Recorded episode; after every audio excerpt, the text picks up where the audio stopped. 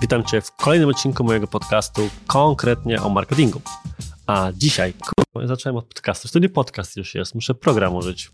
Ciekawe, czy w poprzednich tak mówiłem, czy nie. Dzień dobry, dzień dobry, dzień dobry. Witam Cię w kolejnym odcinku mojego programu konkretnie o marketingu. I dzisiaj konkretnie porozmawiamy sobie o tym, jakie książki dla menedżerów i przedsiębiorców polecam. Zaczynajmy.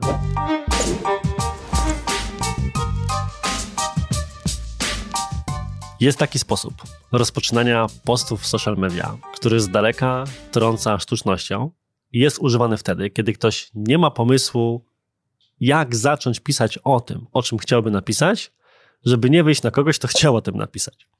I tym sposobem jest, w listach często pytacie mnie, albo dostaję duże wiadomości, których pytacie mnie o i tak dalej, i tak dalej. I bardzo często wygląda to sztucznie.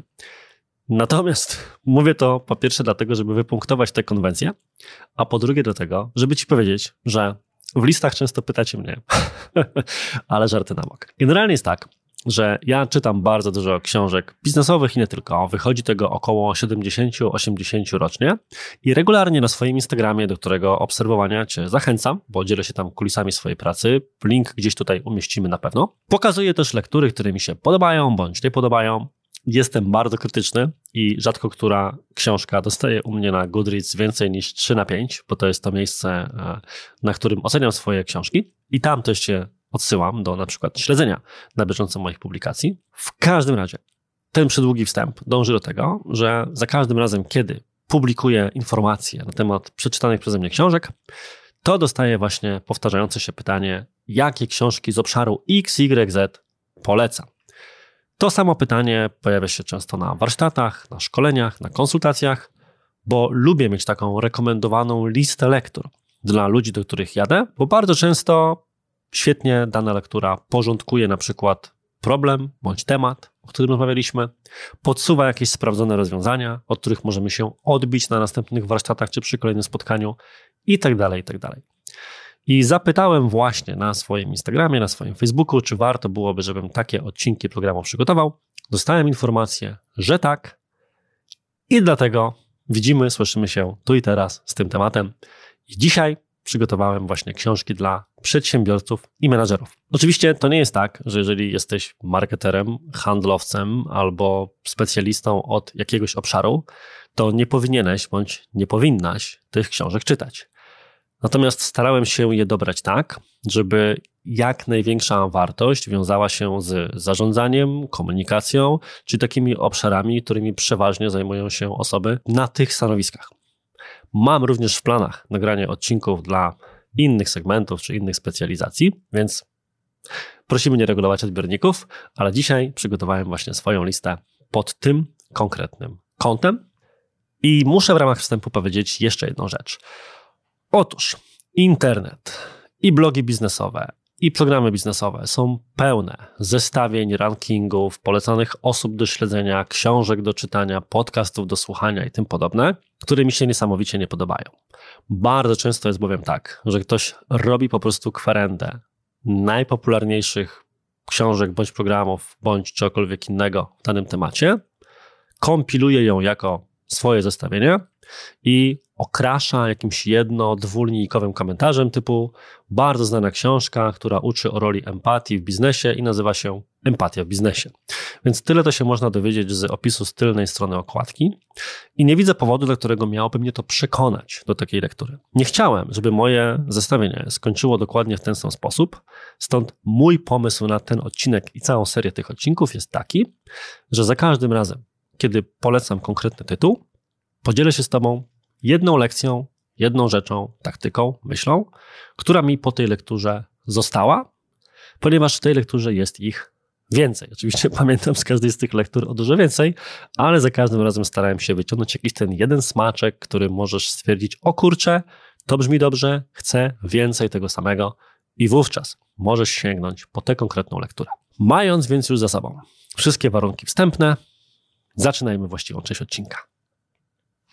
I uwaga, jako że mówimy tutaj o zestawieniu dla menadżerów i przedsiębiorców, to zacznę być może nietypowo, ponieważ od książki, która nie dotyczy zarządzania jakiego, jako takiego, ale która dotyczy komunikacji. Oczywiście wszystkie książki będą podlinkowane w opisie tego odcinka, nie musisz więc gorączkowo teraz notować. I tą pierwszą książką jest książka Nonviolent Communication, a Language of Life, czyli książka o porozumieniu bez przemocy, komunikacji bez przemocy. Jest to książka, która jakkolwiek górnolotnie by to nie zabrzmiało, po części uporządkowała, a po części zmieniła mój sposób patrzenia na komunikację i można by było podsumować główny przekaz tej książki taką myślą, którą znam, która bodajże jest myślą Waldo Emersona, żeby obserwować, a nie oceniać. I są takie cytaty, które są na tak wysokim poziomie ogólności, że brzmią wówczas bardzo mądrze, a ciężko jest zaaplikować konkretnie. I cytat typu pamiętaj, żeby obserwować, a nie oceniać, jest dokładnie cytatem z tego typu kategorii.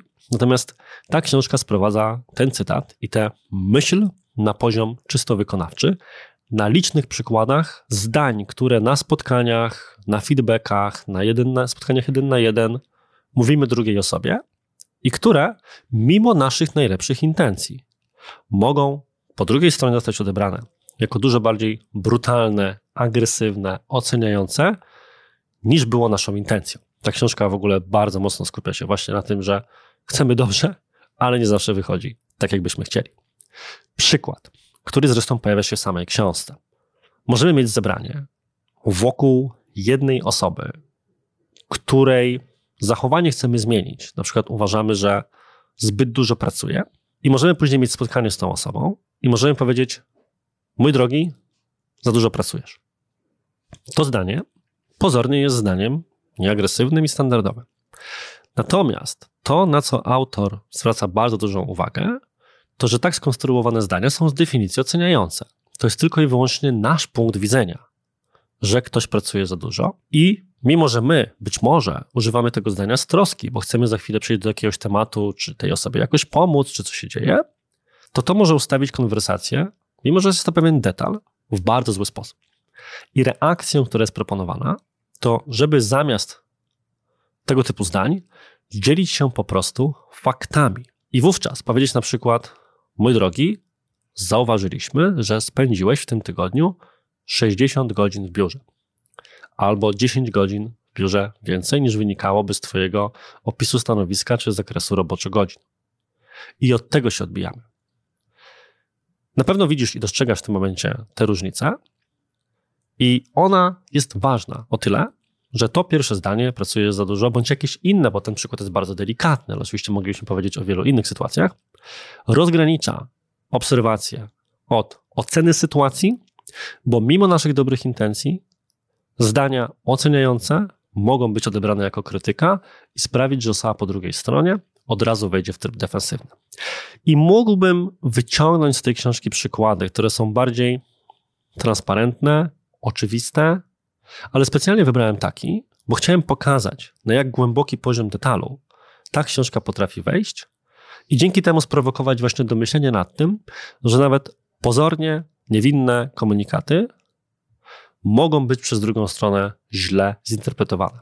O ile więc bowiem, mimo że ta książka ma pełno takich narzędzi, może ona od razu nie zmienić Twojego zachowania, o tyle na pewno sprowokuje do myślenia o tej drugiej stronie i o jej emocjach i odczuciach, po zachęci do skupienia się na tym, nad czym mam osobiście bardzo dużą obsesję zawsze, czyli znaczeniu i wynikaniu z poszczególnych pojedynczych wyrazów. Więc bardzo mocno polecam Ci jako tytuł numer jeden Nonviolent Communication, a Language of Life. I budując, jak to mówią anglosasi, on top of that, czyli nie wiem, jaki jest polski idiom, rozwijając tę myśl w tym momencie, możemy przejść do klasyka, absolutnego klasyka, jak zdobyć przyjaciół i zjednać sobie ludzi Dale'a Carnegie'ego. I dlaczego podaję tę książkę jako drugą? I mówię, że budujemy w tym momencie w oparciu o tę pierwszą. Dlatego, że oczywiście zasady, które opisuje, zasady wpływu, które opisuje Carnegie w swojej książce, są myślę bardzo dobrze znane, ale jest jedna myśl, która mi tam szczególnie utkwiła. Jest to zasada czy reguła, zawsze sprawiaj, żeby drugi człowiek czuł się ważny. Generalnie w książce Carnegie'ego jest napisane, że jedną z potrzeb mocniej motywujących do działania jest pragnienie bycia docenianym, bo to oznacza, że czujemy się zauważeni. I myślę, że szczególnie dla przedsiębiorców i osób zarządzających jest to kluczowa umiejętność. Wzięcia kogoś, docenienia, pochwalenia i zauważenia. Ostatnio widziałem takiego mema, trochę śmiesznego, trochę strasznego. Głupio się ponownie omawia w programie memy, a robię to chyba nie pierwszy raz, ale po prostu co ja mogę zrobić, że mamy bardzo dobrze egzemplifikują często e, myśli, które możemy wokół tego mieć. Niemalże jak niektóre TikToki. I ten mem wyglądał w ten sposób, że ktoś szykował się do e, wizyty u psychologa, żeby sobie pomóc z stresem dnia codziennego, po czym dostaje pochwałę od szefa i stwierdził, no już nie potrzebuję. Wreszcie ktoś mnie zauważył. I oczywiście jest to mem i nie próbujemy tutaj trywializować w żaden sposób potrzeby pomocy mentalnej w konkretnych sytuacjach w życiu. Natomiast coś w tym jest, że osoby zarządzające najczęściej skupiają się na tym, żeby szukać tego, co na co dzień można poprawić, wskazywać błędy. Bardzo często z uwagi na pośpiech robią to w taki sposób typu hej, wskazuję to i lecę dalej i wiesz, co masz z tym zrobić, a brakuje przyłapywania nieustannie na tym, co ludzie robią dobrze. I myślę, że z tego wątku u Carnegie'ego właśnie zawsze sprawiaj, aby drugi człowiek czuł się ważny, moglibyśmy się do tego odbić, że ponieważ jest to głęboka potrzeba docenienia, to jako zarządzający, przedsiębiorca, menadżer skupię się na tym, żeby przełapywać ludzi nie tylko na błędach, ale też na dobrej robocie. Mówi się, że w relacjach osobistych, na platformie na przykład uczuciowej z partnerem bądź partnerką, ważne jest, żeby stosunek komunikatów pozytywnych do negatywnych wynosił 5 do 1. Podobno są takie badania, dzięki którym ten związek idzie w dobrym kierunku. Mówię, że podobno, ponieważ czytałem o nich wielokrotnie, jako cytowanych w innych książkach o relacjach, ale nie czytałem tego u źródła. I myślę, że to, co działa na płaszczyźnie relacji, można spokojnie przenieść na płaszczyznę relacji zawodowej, że równie mocno, znaczy, że kilka razy mocniej powinniśmy szukać, żeby przyłapać kogoś na tym, co zrobił dobrze, niż na tym, co ewentualnie zrobił źle, bo to jest podstawa, żeby zbudować czyjeś zaufanie do nas, ze sytuacji, w której później przyjdziemy, żeby powiedzieć, że hmm, to należy poprawić, to ten ktoś nie będzie miał nam tego za złe, nie potraktuje tego od razu jako krytykę czy czepiastwo personalne, bo będzie miał zbudowane do nas zaufanie właśnie na podstawie tej wcześniejszej, dużej, miejmy nadzieję, liczby pozytywnych interakcji z nami jako przełożonymi, szefami, prezesami i tym podobne. A skoro przy zaufaniu jesteśmy, to czas na moją polecajkę numer 3. Jest to książka Miłosza Brzezińskiego, Zaufarium. Jego najnowsza książka. Jeżeli chodzi o, nazwijmy to, popularne tłumaczenie psychologii i ekonomii behawioralnej, to myślę, że jest to numer jeden w Polsce. Polecam Ci generalnie wszystkie tytuły Miłosza Brzezińskiego. Natomiast w kontekście marketingu, sprzedaży i generalnie biznesu, ta książka jest absolutnie fantastyczna. Jak to u Miłosza Brzezińskiego bywa, tematem wyjściowym jest zaufanie, co sprawia, że ufamy drugiej osobie, ale odbijamy się do tego do całego szeregu tematów, od zaufania do marek, do zaufania do instytucji i tym podobnych rzeczy. Książka jest bardzo obszerna i porusza szereg tematów. Dlaczego więc polecam Ci akurat ją? Dlatego, że jest tam w dobry sposób i w sposób oparty na badaniach posegregowana cała liczba taktyk, których możesz użyć w codziennej pracy, chcąc zmienić czyjeś zachowanie, czy właśnie zbudować zaufanie drugiej osoby do siebie. I część z tych rzeczy stoi, nie chcę powiedzieć, że w sprzeczności, ale prezentuje inny punkt widzenia na pewne sprawy niż standardowe. I kiedy mówię, że ta książka ma cały szereg użytecznych taktyk, to co na przykład mam na myśli? Otóż jedna z rzeczy, którą opisuje Miłosz Brzeziński w tej książce, to w jaki sposób punktować czyjeś błędy, dlatego mówię o tym od razu po tym poleceniu Carnegie'ego, żeby to wpłynęło na tę osobę. I Miłosz Brzeziński pisze, cytuję badania, że jedną z rzeczy, która najbardziej wpływa na czyjeś zachowanie, jest norma społeczna, norma grupy, której częścią jesteśmy, w tym wypadku na przykład zespół, firma jako całość. Więc wskazując czyjeś błędy, powinniśmy nie tylko powiedzieć, co zostało zrobione źle, ale w jaki sposób łamy to normy grupy, które tutaj funkcjonują. I tymi normami mogą być wartości firmy, aczkolwiek dobrze byłoby je sprowadzić do pewnego przyziemnego poziomu, czyli takiego, który jest poziom czysto wykonawczy. Przykład podawany przez Miłosza to przykład punktowania czyjegoś spóźnienia. Zamiast po prostu mówić komuś, kto notorycznie spóźnia się na spotkania, spóźniłeś się, odwoływać się na przykład do swoich emocji, jak jest to polecane w różnych publikacjach, typu i czuję się źle z tym, że się spóźniłeś, bo nie mogę teraz zacząć spotkania, należy odwołać się do normy grupowej. Na przykład spóźniłeś się, a wszyscy już są.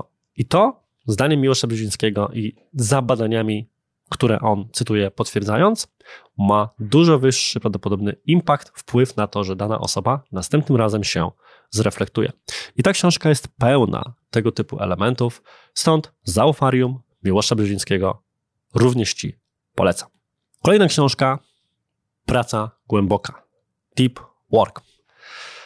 Książek o produktywności swego czasu czytałem całe mnóstwo. I po czasie, w ogóle tak mówiąc na chwilę na marginesie, stwierdziłem, że e, osoby, które nie mają dzieci, powinny mieć zakaz pisania książek o produktywności, bo potem kończą opisując jakieś 15 rytuałów porannych od wdzięczności po journaling i tak dalej, które powinieneś robić, a tymczasem przedsiębiorca taki jak ja, który ma e, małe dziecko, ja mam dwuletniego synka w domu, przede wszystkim rano próbuje przeżyć. Natomiast jedna taka główna lekcja, którą wyciągnąłem ze wszystkich książek o produktywności, natomiast praca głęboka ma ją najlepiej opisaną, jest to, że świat nie wymyślił lepszego sposobu na zwiększenie własnej produktywności niż praca w blokach. I cała książka Praca Głęboka jest skupiona generalnie wokół tego, w jaki sposób w swoim dniu wykroić czas na konkretne skupienie się na jednym zadaniu, jednym problemie i odbicia się do tego budowania całego swojego dnia wokół tego i usunięcia wszelkich dystraktorów, przeszkadzajek i tym podobne. Jest to książka, która więc bardzo dobrze pokazuje, w jaki sposób rozorganizować swój dzień pracy, tak żebyśmy na koniec dnia byli w stanie stwierdzić, że hmm, to był dobry dzień. I bardzo mocno zgadzam się z jednym z głównych przesłań tej książki, że jeżeli wykonamy tą jedną, dwie rzeczy podczas tych dwóch bloków pracy głębokiej w ciągu dnia i uzupełnimy to jakimiś zadaniami bieżącymi, to potem ocenimy dzień jako dobry. Natomiast jeżeli będziemy skakać między zadaniami i generalnie nie posuniemy jednej z naszych kluczowych spraw dalej, to stwierdzimy, ten dzień jakoś nam uciekł. Myślę, że kiedy się nad tym zastanowisz, to stwierdzisz, że możesz, mógłbyś, mogłabyś w dokładnie ten sam sposób pomyśleć o swoim dniu. I ostatnia książka, którą chciałbym Ci polecić w dzisiejszym odcinku, która może się przydać w kontekście tego poprzedniego, bo każdą zmianę, którą chcemy wprowadzić, jak na przykład zmiana w organizacji swojego czasu, wymaga pracy nad własnymi nawykami, jest właśnie bardzo znana książka Siła nawyku. Oczywiście, jak tytuł wskazuje i łatwo się domyśleć, jest to książka na temat tego, w jaki sposób działają nawyki, jak zmieniać nawyki, jak je budować. I polecam Ci ją jako całość, Natomiast taka kluczowa lekcja, którą ja wyniosłem i zapamiętałem z tej publikacji, jest następująca. Jeżeli chcemy się czegoś oduczyć, to nie może być tak, że robiłem do tej pory coś i teraz przestaję to robić. Bo to sprawi, że nie będziemy w stanie zrealizować swojej tak zwanej pętli nawyku i prędzej czy później wrócimy na stare tory. Jeżeli więc ja zaczynam dzień od podwójnego espresso, a chciałbym to zmienić, a przynajmniej się tego oduczyć, bo powinno się podobno pić kawę dopiero po którejś tam godzinie w ciągu dnia, nieistotne, to nie może być tak, że od tej pory wstaję i z całych sił próbuję przestać pić espresso. Bo będę o tym ciągle myślał i pewnie w końcu któregoś dnia się złamię, wtedy będę na siebie zły i tak dalej, i tak dalej. Natomiast trzeba zastąpić jedno działanie innym działaniem, żeby nawyk pozostał, ale był realizowany już we właściwy sposób. Stąd zamiast robić sobie rano espresso, mogę na przykład zacząć robić sobie smoothie, albo wodę pić, albo cokolwiek innego. Podstawiam jeden nawyk, taki, który chcę kultywować, miejsce drugiego. To działa zarówno na płaszczyźnie osobistej, jak i myślę. Dlatego polecam to właśnie w segmencie książek dla przedsiębiorców, bo nie mówimy tu tylko o efektywności osobistej, ale również efektywności członków zespołu. Jeżeli jest jakaś procedura, zachowanie w firmie, które chcemy zmienić, to no cóż, gdyby świat zmieniała tylko i wyłącznie informowanie i edukacja, to dawno byśmy wszyscy byli świetnie, e, świetnie działali we wszystkim. Tylko trzeba się to zastanowić, jak ludzie realizują obecnie w nawykowy sposób, a przecież tak na co dzień działamy, rzecz, która nam się nie podoba, i jak któryś element tego procesu zmienić na inny. Więc może to mieć również transformacyjne znaczenie dla na przykład pracy nad procesami i usprawnieniami organizacji w Twojej firmie. I to tyle w dzisiejszym odcinku. Jak widzisz, z każdego z, z każdej z polecanych książek, z każdego z polecanych tytułów starałem się wyciągnąć jakąś esencję, myśl, bądź pewną anegdotę, e, bo poboczny wątek, który może być dla Ciebie przydatny. Daj proszę gorąco znać, czy taki sposób omawiania książek, które polecam i poprzez właśnie wyciąganie z nich jakichś pojedynczych myśli jest dla Ciebie interesujący i w tym momencie lepszy niż takie standardowe rankingi czy polecanki sprowadzające się po prostu do listy rekomendowanych tytułów bez żadnego kontekstu. Natomiast na ten moment już się z Tobą żegnam. Do usłyszenia, bądź zobaczenia w przyszłym tygodniu i cześć!